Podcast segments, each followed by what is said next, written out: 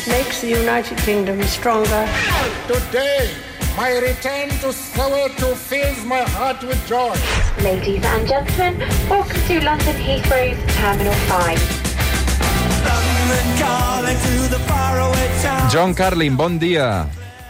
Bon dia, Roger. No saps com he pensat amb tu aquests dies, John. Bueno, es que yo, yo estoy muy perplejo. No sé de qué vamos a hablar hoy. No ho sé, no ho sé. Uh, com a mínim... No se me ocurre ningún, ningún tema de conversación, la verdad. Com ho porta, John? Bien. No, bueno, es que he estado trabajando como un animal. O sea, es que Sí, sí. las últimas 24 horas he hecho como 15 entrevistas de televisión y radio y he escrito tres artículos. Que estoy... Uh, m'encantava, al, algun d'aquests articles els he repassat i, i, i m'encantava aquest paral·lelisme que deies de ningú sap com, pensa, com pensava la reina realment, no? Ningú sap de quin equip de futbol era, ningú sap si què en pensava de la independència d'Escòcia, ningú No. sap eh, res de... I, I precisament això és el que ha fet possible que durant tants anys hagi estat una, una figura de consens. Exacto, mira, el famoso discurso que dio nuestro Felipe cuando todo el, el momento así de crisis aquí en Cataluña, ese discurso que, que cavó trincheras en vez de construir puentes, jamás lo hubiera hecho la reina Isabel II. Clar, ara tots els focus, eh, John, es posen amb, amb Carles III i si realment serà capaç d'estar de, d'estar al- no l'alçada, perquè per edat segur que, que ja no s'hi estarà tants anys, no? però de mantenir l'esperit de la seva mare. Mira, como escribo en mi columna eh, de mañana en La Vanguardia, pasar de Isabel II a Carlos III es como pasar de Leo Messi a Memphis Depay.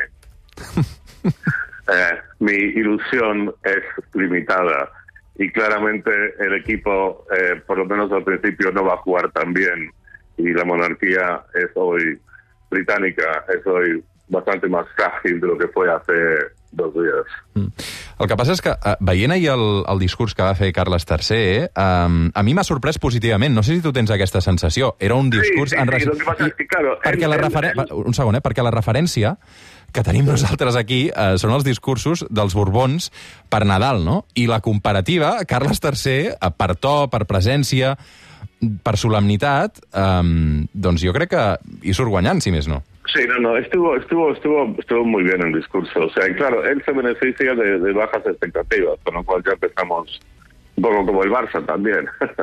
Em, que uno se sorprende gratamente cuando de repente están jugando bien. No, el discurso fue muy digno, el tono estuvo perfecto y dijo lo que tuvo que decir. La mayor parte del discurso era sobre su madre, muy correctamente, mencionó a Camila, a sus hijos.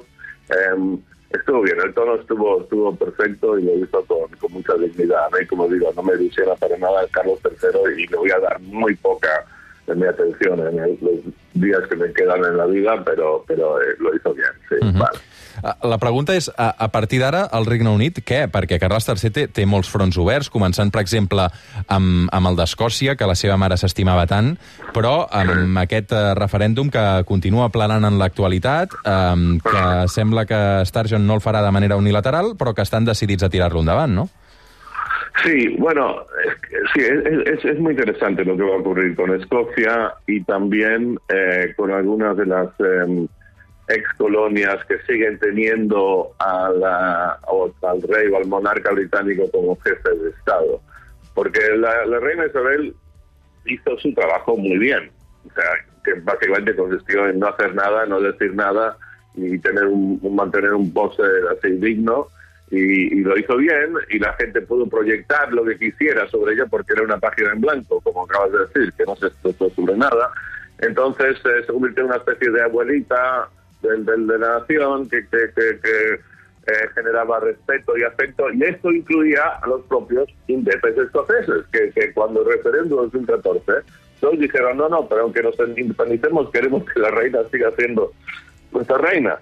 Ahora, eh, yo creo que, en el caso escocés, que, que el margen es bastante estrecho entre los pro-independentismo y pro-unión, em, el hecho de que se va la reina, que ha sido una especie de, cemento, em, que ese cemento, ese pegamento desaparece, em, va a inclinar la balanza em, una mica més hacia el independentismo.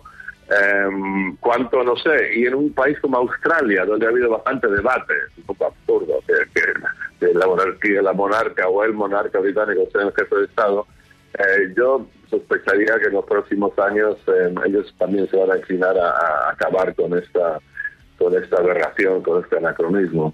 És a dir, tu tens la teoria que al final el Regne Unit acabarà sent, o, o, o directament tota la Commonwealth, republicana. Bueno, no sé, mira, eso, eso es mucho decir. creo que pasará tiempo, pero pero como mucha gente ha dicho, eh, aunque la reina Isabel vivió 22 años del siglo XXI, pertenece más al siglo XX, eh, un siglo en que la gente, bueno, sufrió mucho más, guerra civil en España, guerra mundial, eh, la gente, no sé, era más eh, estoica, la reina era muy estoica, y ahora eh, con las redes sociales acelerando todo, somos mu- mucho más quejicas, llorones, todo el tiempo, todo el mundo llamando la atención, eh, un mundo, una cultura muy diferente a lo que representaba la reina. Y quizá en este nuevo mundo más y más la gente se pregunta, pero, pero ¿qué hacemos con una monarquía? Eh, es algo, es, te pensar dos segundos y, y no, no tiene no tiene mucho sentido. Es que la reina no tuvo ningún poder. O sea, la reina, y lo máximo que podía haber hecho es que en una conversación con un primer ministro o primera ministra dar una opinión, igual que un columnista de un periódico. O sea, más poder que eso no tenía. Entonces, em, no sé, ¿para qué está? ¿Para obedecer algún tipo de sentimiento profundo en el ADN humano que necesita el líder de la tribu ahí con su corona? No sé. Em, esto se tiene que acabar, pero cuánto tiempo va a durar, ahí no, no me voy a arriesgar a, a decirte nada. Vull acabar eh, comentant un moment um, còmic, si més no, també a l'estil molt britànic, de Theresa May, l'exprimera ministra, um, que Sí. aquestes últimes hores ha, ha dit això, eh? I remember one picnic at Balmoral which was taking place in one of the bothes on the estate. The hampers came from the castle and we all mucked in to put the food and drink out on the table. Aquí Teresa May explica que era de pícnic a, a Balmor i, mm, és a dir, fent un pícnic i picant una mica, i que en un moment determinat eh, un tros de formatge que s'estava menjant puja, puja, perdó, uh, se li va anar del, del terra, a, a l'herba on estaven menjant. I ella dissimuladament el va agafar i el va tornar a posar uh, al mantell on estaven menjant. I que en un moment determinat es va girar i va veure com la reina la va enganxar fent aquesta... posant, tornant a recuperar el tros de formatge. I que es van mirar i que la reina li va somriure. I clar, eh, tot l'art parlamentari eh, després es posa a riure i ho aplaudeix. Vull dir que això també, d'alguna manera, és una anècdota que Teresa May ha explicat definint com era la reina, no? Sí, yo, yo, yo lo vi anoche, me pareció muy simpático y Teresa May revelando hay un lado eh, humano, cómico, muy bueno. Y, una cosa que me gustó también es que yo creo que es, algo que marca la diferencia con, con, los, los y, los españoles. En esas circunstancias, o sea, unas horas después de la muerte del rey, yo no creo que un diputado em, español del PP, porque está hablando del Partido Conservador, haría una broma y que todos los diputados ahí se- se pondrían a reír. Eh, y eso es muy british, este puntito de irreverencia, de humor, incluso momentos solemnes. Mientras que en, en las cortes aquí madrileñas todo es mucho más, y hay que ser solemne, hay que estar muy solemnote.